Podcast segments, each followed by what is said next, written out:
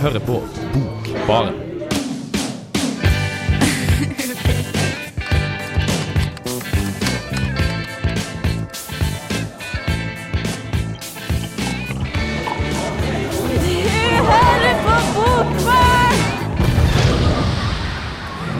Det gjør du så visst du hører på Bokbarn, og i dag skal vi ha prosasending. Vi skal prate om både norske og internasjonale romaner. Vi skal ta veien fra USA til Danmark til Norge. Det vil si, den norske er Peter Serk med sin nye roman 'Natten'. Den amerikanske Cormac McCarthy, 'Blodmeridian'. Og den danske er Pia Juel sin uh, mordet på Halland. Men uh, sånn at folk skal rekke å komme seg inn og slutte å somle og alt sånt der, og vi skal få sparka i gang denne prosasendinga, så skal vi rett og slett få høre Stevie Ray Vaughan og Double Trouble med Pride and Joy.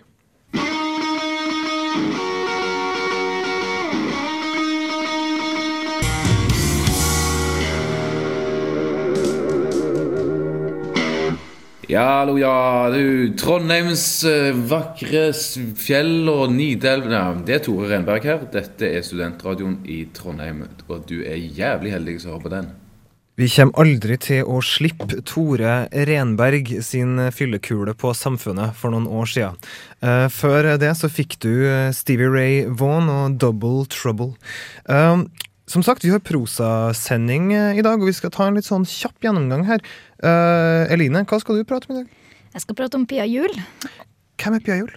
Hun er, hun er dansk, da. Så har hun skrevet en bok som heter 'Mordet på Halland'. Oi, er det her en krim? Det er jo det som er blitt litt frem og tilbake med, men de fleste sier vel at det ikke er en krim, det er bare liksom-krim. Så da er det litt sånn, altså, hun leika leker med sjangeren, eller er det på en måte Ja, det minner jo veldig, og, og selve tittelen på boka gir jo veldig sånn assosiasjoner til krim, da. Mm. Men den er veldig annerledes. Jeg tror det her kan bli spennende. Kristine, hva er det du har for oss? Jeg skal snakke om Peter Serg sin 13. roman 'Natten'. 13. roman. Jeg har ikke hørt om fyren før. Hva skjer? Nei, han har skrevet en god del bøker og ikke vunnet noen priser. Ja, alle kan ikke vinne priser. Nei. For da hadde det ikke vært så spesielt å få... Da hadde det ikke blitt noen dem. igjen til Ole Robert Sunde. Nei, det er det. Det har ikke vært så spesielt å få dem, hvis alle vant priser hele tida. Men han debuterte i 73, så da har han holdt på ganske lenge. Ja, han hadde det. Og han har skrevet om eh, mye av det samme, vil jeg si. Bøkene tar opp samme temaene om og om igjen. Ja, Forlaget hans, eh, altså Cappelen, eh, sier at han er en av de fremste videreførerne av den klassiske, eksistensialistisk orienterte, modernistiske tradisjonen. Ja. norske Det, det, det er litt av en tradisjon, det, altså. Eh, Det er litt Akkurat av en tradisjon, ja, med skadeskutte Veldig mye skadeskutte menn. veldig mye, veldig mye forfylla skadeskutte menn. Ja, så vi, Det blir også veldig spennende å høre hvordan han lever opp til de her forventningene eh, som vi har. Men før vi kommer så langt, eh, så skal vi få skal vi ta en liten prat om Cormac McCarthy og en bok eh, som er oversatt eh, nylig, i hvert fall eh, innen et par år, uh, sida til norsk, som heter 'Blodmeridian'. Eh, Martin, kort eh, Cormac McCarthy. Kort Cormac McCarthy. eh, eh, etter i de siste årene vært en slags sånn evig kandidat til Nobelprisen. Vant uh, Pulitzer-prisen for sin eh, siste roman The Road, som også ble filmatisert nå nylig. Før det så ble også den nest siste romanen hans, No Country for Old Men, filmatisert, som vant Oscar. Høres bra ut, og det er det, altså det første vi skal gjøre. Eh, men før vi kommer så langt, så skal dere få Todd Sickafus med Warm Stone.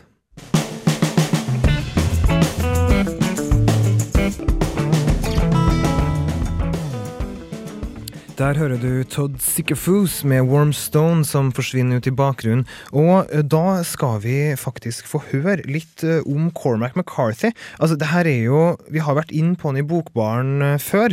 Han er jo, som Martin sa her før denne låta, han er jo nobelpriskandidat.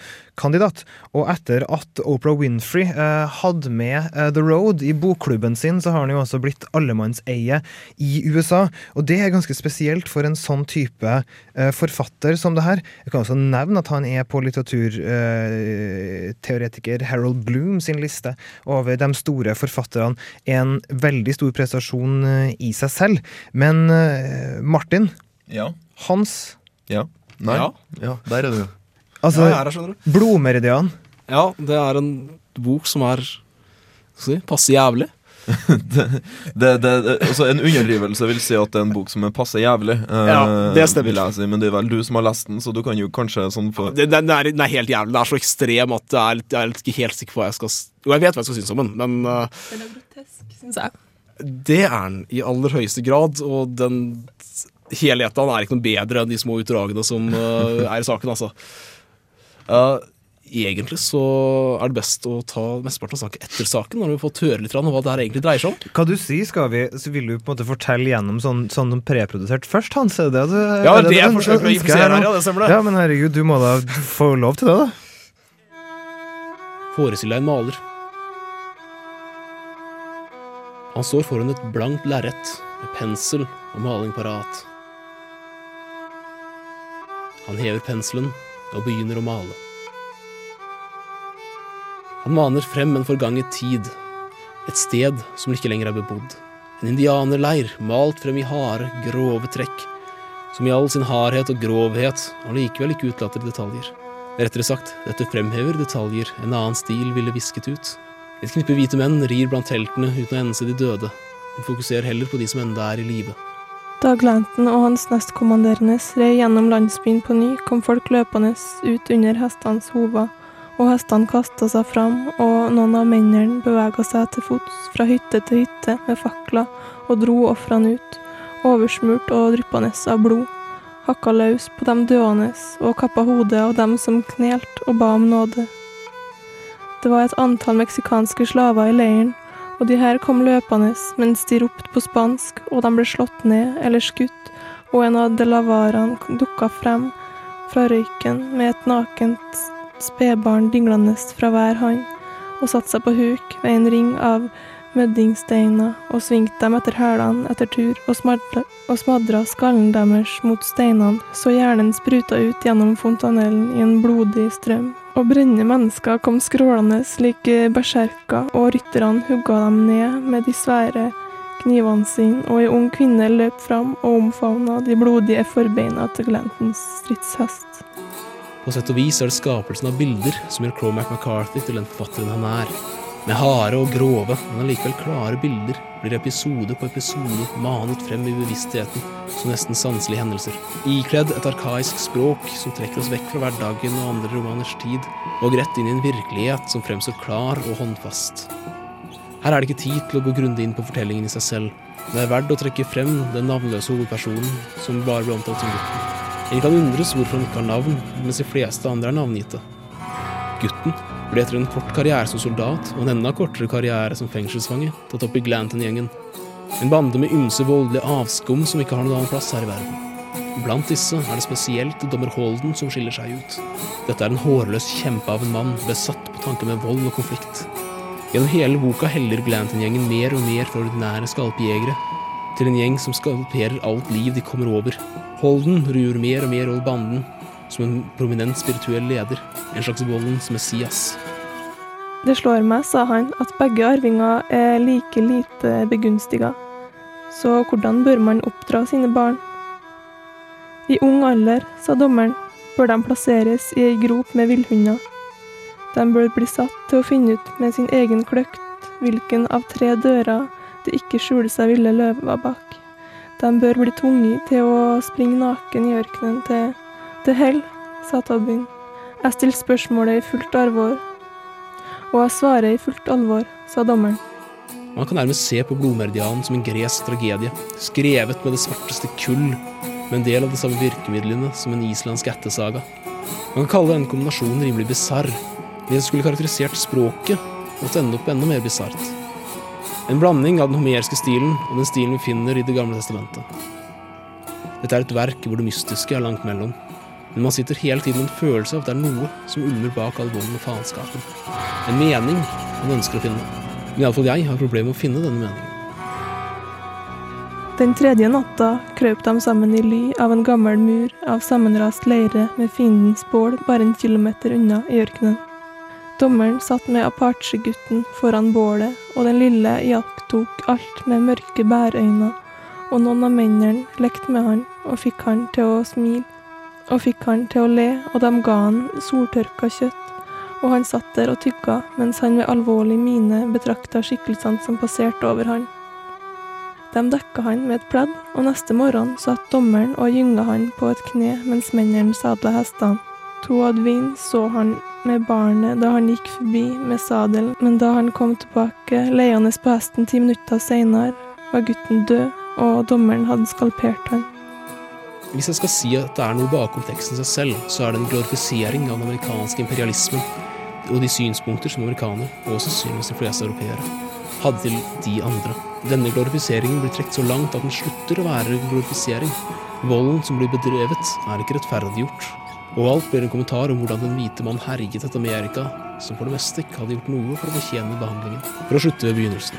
Blodmeridian starter med tre små sitater om menneskets indre mørke, dets iboende ondskap, vilje til godtydelser, og skalpering som en flere tusen år gammel tradisjon. Jeg velger å lese dette som at denne boken, på sett og vis, er ment å være meningsløs. Men meningsløsheten i seg selv sier noe om målens indre vesen, hvis disse tre sitatene er rett, om menneskets indre vesen. Man må ikke tro at eh, mørkets liv er hensunket i elendighet og fortapt som i sorg. Det finnes ingen sorg. For sorg er noe som oppslukes av døden, og døden og undergangen er mørkets innerste vesen.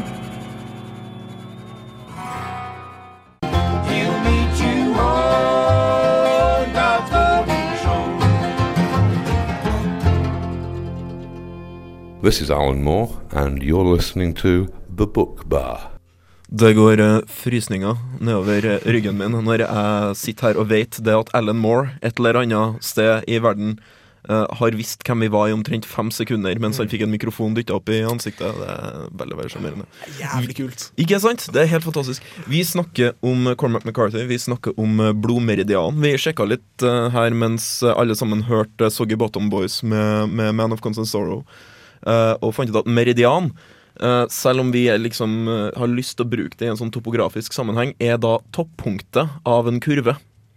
Og blodmeridian, det vil da være liksom toppunktet av en kurve av blod.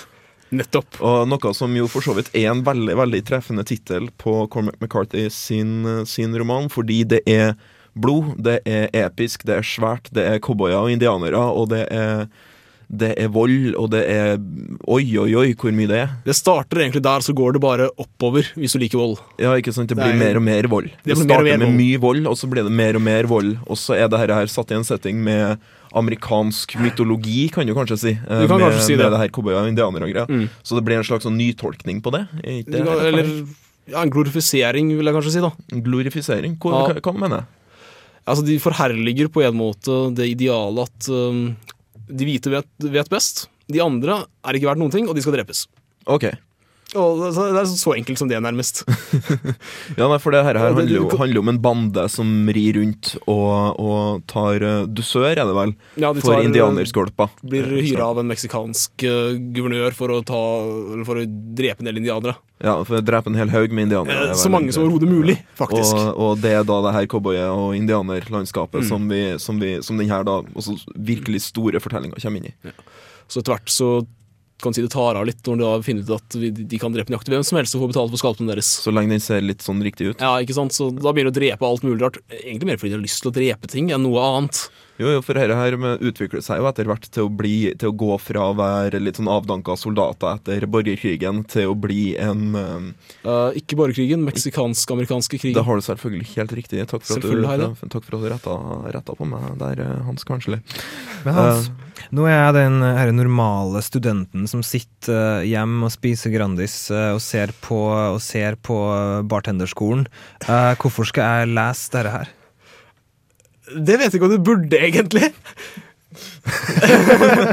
Så det er en eh, Altså, eh, Altså, jeg, jeg, vil ikke jeg vil anbefale boka til alle, men med det forbeholdet at man må kunne klare å bli ganske grundig skremt og, av den boken man leser, og presse grensesynet litt lenger enn det man trodde man egentlig skulle gjøre med en bok. Okay. Men eh, hva er det Cormac McCarthy vil med det, mener du? Ja, altså, Som sagt, jeg ser på det som en glorifisering, eh, Ok. som, ble tre som ble trukket så langt at det slutter å være en glorifisering. Okay. Du kan nærmest si Det blir en parodi, og så blir det trukket inn så langt at det slutter å være parodi også. ja. Den parodi, men med- ikke en morsom parodi, Nettopp. kanskje? Uh, ja, en tragedie, nærmest, okay. kan man si. Sånn, sånn, så det er en tragisk tolkning da, av det her liksom eh, episke og, og, og kanskje etisk korrekte Ville Vesten som vi Ja. har uh, arva fra amerikansk folkloristikk.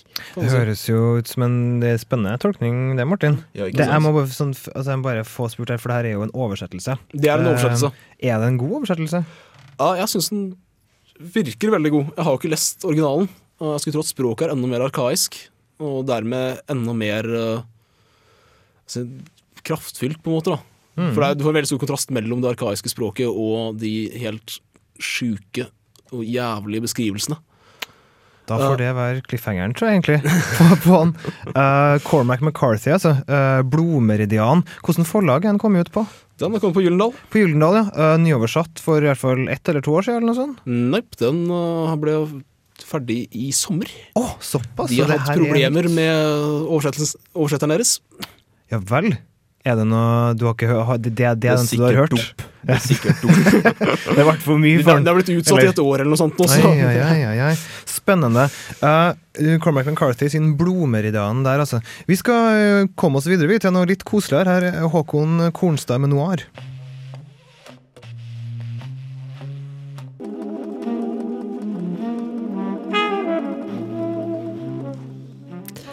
Over fra den groteske blodmeridianen over til mer mord. Om dog ikke like ekstremt og eksplisitt i skildringene. Eline, du har lest Pia Juel sin siste roman 'Mordet på Halland'. Hva syns du? Jo, um, litt forskjellig. Jeg syns det var en veldig, veldig fin eh, dialog. Og veldig, altså jeg syns du skriver veldig godt, og dialogen mellom karakterene går veldig fint. Sånn at du, du driver, leseren drives fremover, da. Mm. Uh, samtidig så var det jo Jeg, jeg, forestilte meg at det, her, at det skulle komme sånn skikkelig plott. At jeg, sk- alt skulle stemme, og jeg skulle få svar på alt. Og det skjedde jo ikke. Nei, Så- det, her, det er jo ikke en krim. Men eh, hva er det som gjør at den boka ikke kan klassifiseres som en krim? Vi skulle jo tro at det var en krim ut fra tittelen og Ja. omslaget. Ja, hvis det er en krim, så er det en veldig annerledes krim. Eh, For isteden å fokusere på det her mordet og den etterforskninga, som er litt sånn typisk krimbøker, og, og den løsninga som etter hvert kommer, så er det mye mer fokus på hun, hovedpersonen Bess, og hvordan hun reagerer psykisk på at her, samboeren hennes er drept. Og den eh, prosessen hun går gjennom, rett og slett. Og ja, hun er jo eh, må, Man må liksom lære seg å se, se på karakteren og se at alt det hun sier, det trenger ikke å stemme, selv om jeg prøver å overbevise deg om det. Mm. Så det er en upålitelig forteller vi har med å gjøre. Jeg vil si det, altså Man må tenke litt sjøl når det kommer til denne boka. og Jeg skulle egentlig ha lest den igjen, bare for å på en måte få alle trådene til til å møtes. Jeg lurte på, det er jo du, altså det her er jo eh, Karakterene i boka her er jo forfattere, Ja. ikke sant? Eh, kommer det på noen måte frem i måten det er skrevet på, eller måten det er på en måte lagt frem på? At hovedpersonene er forfattere. Ja, for det blir jo veldig sånn metalitterært her, da, ikke sant? Du, på en måte, det er forskjellig dem, eh, Det å gi å gjøre en eh, hovedperson til forfatter, da på en måte skriver du jo skriving inn i boka. Ja. Um, hun, det er jo litt fokus på jobben hennes, og hun er jo på en opplesning som forfatter. eh, som hun stikker av ifra, da, for hun er jo litt eh, psykisk forstyrra akkurat da. Eh, tar med seg pengene og drar. Så sånn sett så er det jo eh, det. Jeg tenker også han, altså han som forsvinner, er jo forfatter. Mm. Um, og og det, det er vel kanskje han som setter i gang her, her eller som på en måte lager uh, alt trøbbelet. Ja, han eh, Halland du tenker på. ja. Mm. Uh, han, er- det er jo sånne små hint som han har lagt igjen. da. Uh, han er jo veldig glad i fugler, så han har drevet og sett på fugler og så har han skrevet litt om det. og så Litt sånn lyrisk, da. Så sier han at han er, han er som en fugl sjøl, blant annet. Og sånn sett så er det litt kunstnerisk, akkurat det der. Men eh, funker det, da? Blir det bra? Ja, altså selve det forholdet mellom karakterene og karakterene syns jeg er veldig bra. Det, det, dem kan jeg tro på også. Så det, hennes best sin familie og sånn, det, det er gjennomtenkt. Så det blir overbevisende. Pia Juel vant jo uh, Danske Banks litterære pris for denne boka i, uh, i, i fjor. Gjorde hun. Så det er jo folk, folk liker den jo veldig godt. Uh, Danske Bank liker den vel i hvert fall eh, veldig godt. Ja, men det er en veldig stor dansk litteraturpris her. Du kan, du kan jo si så mye at Pia Juel er jo en veldig etablert dansk eh, forfatter. Hun ble født i 1962. Uh, og har for så vidt vært eh, aktiv siden 90-tallet, hvis jeg ikke husker helt. Uh, Det stemmer nok, det. Mm. Um, men, men altså, det her er, syns du den er så bra? Sånn som det, det har fått så god mottakelse. Der er du på en måte enig? Um, jeg, altså, jeg hadde forventa å få litt mer um, oppsummert og litt mer svar på ting som jeg lurte på. Uh, det var så mye, mye mystisk i denne boka her, uh, og jeg skulle bare ønske at det hadde blitt fletta sammen på en litt mer sånn uh, ja, En måte som kunne ha, ha overraska meg litt. Rann. Ville du egentlig ha en krim? Jeg ville kanskje ha en krim. Nei, men vi får, eh, vi får høre litt mer på hva du eh, har eh, sagt om den eh, i saken din. Tru ikke at jeg aldri så fjernsyn. Endelig kunne jeg slå det på igjen. Nå var det hverdag. Bare det gikk en krim, var jeg glad. Og det gikk mange. Det overskådelige gjorde godt. Et mord, ikke for bestialsk, deretter detektiv, kanskje et par av detektivens personlige problem. Men ellers offerdetaljer, gåter, uregelmessigheter, oppgaver, spor, villspor, oppklaring, løysing. Aldri som i ens eget liv. Virkeligheten til hovedpersonen Bess blir snudd på hodet når samboeren hennes, forfatterkollegaen Halland, blir funnet drept utenfor huset deres. Det er mye som ikke stemmer rundt dette mordet, og mystiske ting begynner å skje. Hvorfor henger jakka hans fremdeles i entreen når Halland ble myrda utendørs på vei bort ifra hjemmet? Og hvem er det som sender SMS-er fra telefonen hans etter hans død? En mystisk gjest dukker opp hos naboen, mens naboen sjøl forsvinner. Hallands hittil ukjente gravide niese dukker opp, og det viser seg at Halland sjøl har leid et rom hos henne i lengre tid. Det er mange spørsmål som dukker opp i hodet hos leseren. Heller enn å besvare dem her, gjør jul det enda mer forvirrende, da det viser seg at vi som leser ikke kan vite hvem vi skal stole på. Bess avslører seg sjøl som en virkelighetsforvirra karakter, som i tillegg til sjokket etter mannens død også nekter å innfinne seg med den noe mørke virkeligheten som vi aner hun og Halland delte. Dette gir oss som lesere en stor jobb, da vi ikke kan vite i hvor stor grad det som hovedpersonen forteller oss, faktisk stemmer. Mordet på Halland er ei spennende og godt skrevet bok som holder meg fast som leser, nettopp fordi jeg var så spent på hvordan flokene ville løsne, puslespillet passe sammen, brikkene falle på plass, ja, you name it. Da jeg kun hadde noen få sider igjen, begynte jeg likevel å ane at her var det ikke noe plott jeg skulle få servert på sølvfat, her var slutten ravende åpen. Og selv om det er flott at man oppfordrer leseren til å tenke sjøl, bruke de små grå til å finne sammenhenger, så får det da i helsike være måte på. Jeg sitter igjen med en helt grei leseropplevelse, men føler meg snytt for den sammenhengen jeg trodde lå og venta på meg blant de siste sidene. Ei luremus av ei bok, men så var det kanskje heller aldri meninga at man skulle få svar til slutt. Sånt hører vel hjemme i krimmen, og ikke i virkeligheten.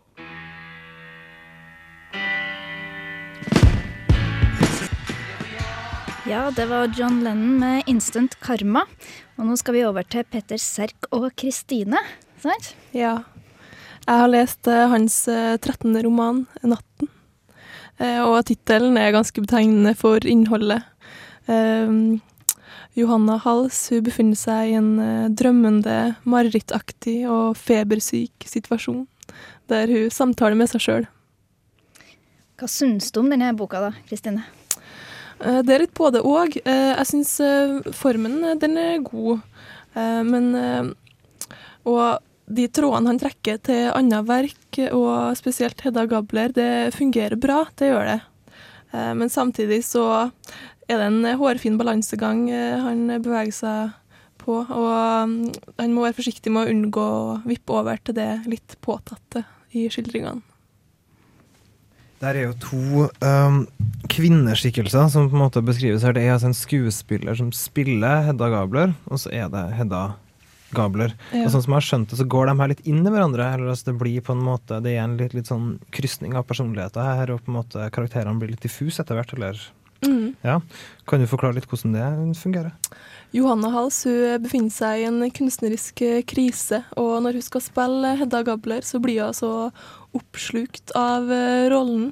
Så hun blir forstyrra, kan man si. Hun plages med angst og usikkerhet. Og, men samtidig så er det ikke noe som nødvendigvis har kommet med at hun skal spille Hedda Gabler. Det er vel kanskje noe som utløses av denne krevende rollen.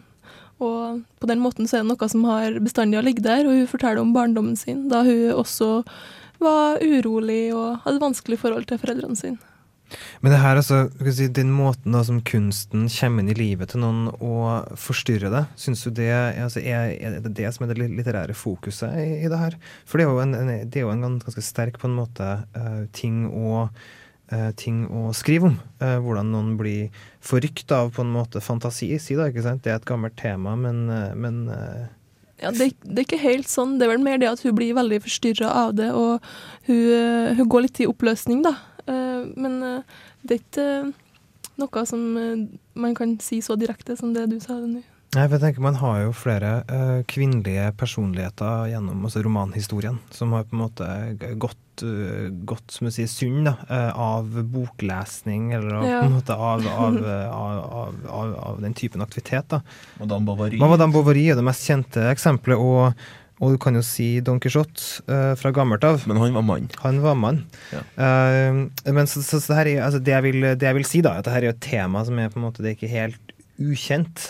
Nei, og det er ikke ukjent i Petter Serk sitt eh, forfatterskap heller. Uh, han eh, har jo eh, i eh, bøkene 'Sarkofag' og 'Latteren' og tatt utgangspunkt eh, i Ibsen og Hedda Gabler, og da trekker han også inn eh, Lolita-tendenser. Så Jeg synes jo det her er, Hvis det forlaget sier stemme, at han er den, eh, den videreføreren av den klassiske eh, eksistensialistisk eh, orienterte modernistiske tradisjonen, ja. eh, så er jo det her, eh, så er det her på en måte spikeren på hodet, da.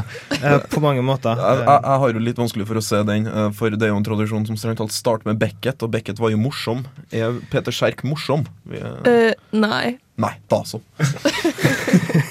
jeg vil kanskje ikke si det. Det blir veldig mørkt og dystert, men eh, samtidig også intelligent, vil jeg si. vil jo nyansere Martin sitt bilde litt her og si at eh, Kafka og Virginia Woolf eh, og Joyce er kanskje også med i den på en måte den Jeg, jeg, jeg, jeg må bare si at jeg liker Beckett bedre fordi han er morsom. ja, um, Virginia Woolf er veldig mange ting, men morsom er hun ikke. Da kan vi heller, heller diskutere James Joyce Ja. over en øl. Men Kristine, eh, vil du anbefale boka? Er den god?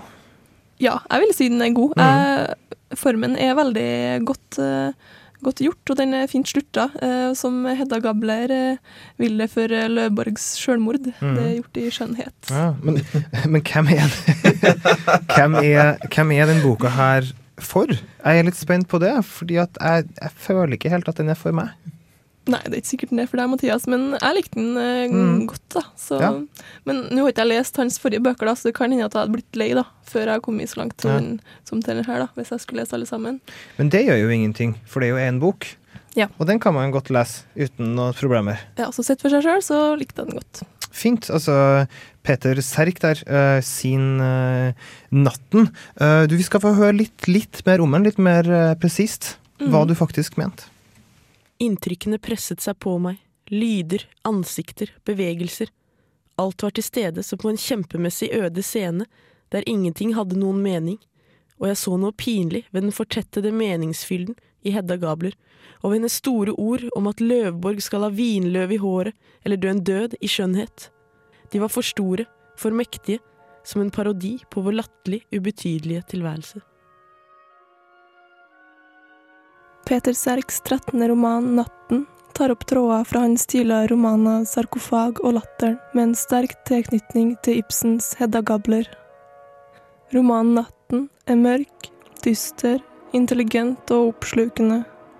Peter Serk er en av de fremste videreførerne av den klassiske, eksistensialistisk orienterte modernismetradisjonen, og han utforsker mennesker som er lenka fast til en tilværelse de føler seg fremmed i. Med en nervøs, monologiserende jeg-fortellerstemme trukket inn i seg sjøl, får vi innblikk i skuespilleren Johanna Hals sine tanker og følelser.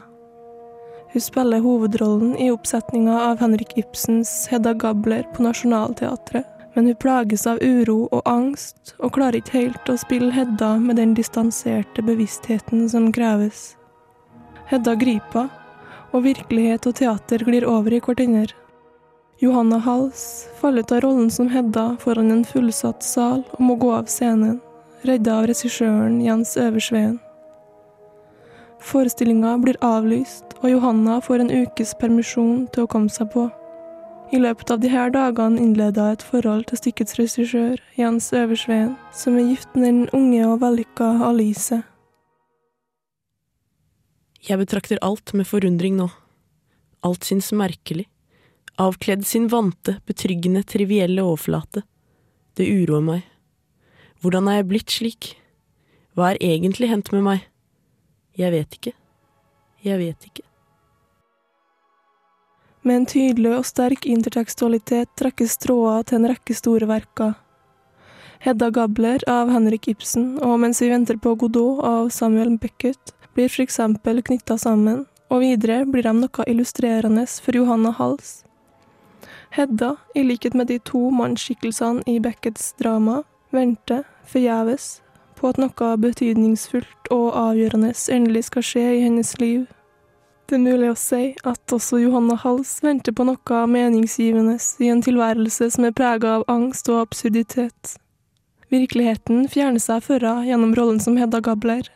Hun er i kunstnerisk krise, og både frastøtes og tiltrekkes av Ibsens kvinneskikkelse. Sånn som Friedrich Schiller skrev i sin bok om den tragiske kunst. Det er et allment fenomen i vår natur at det som er trist, forferdelig, ja grusomt, med uimotståelig kraft lokker oss, og at vi med samme styrke frastøtes og tiltrekkes av scener med lidelse og grusomhet. Hedda Gablers vanskelige forhold til virkeligheten tas opp igjen i Johanna Hals. Hennes hverdag som skuespiller, hennes kjærlighets- og vennskapsforhold og forholdet til foreldrene og sin egen oppvekst. Elementer i denne romanen, eller rekvisitter om du vil, er konjakk, sigaretter, et rep i klesskapet, Løvstad med vinløv i håret og general Gablers pistoler. Natten, en reindyrka litterær og eksistensiell roman som skildrer dualismen mellom liv og teater, person og rolle. Det var som om de alle gjennomskuet meg, og jeg ville heve stemmen forbitret og rope noe til alle de fremmede jeg møtte, men jeg tok meg i det og tidde. Jeg ville rope noe til alle dem som gikk forbi meg, rope noe for å holde dem fast, alle sammen, for alltid men jeg lot være å si noe. Alt dette er forbi, sa jeg til meg selv.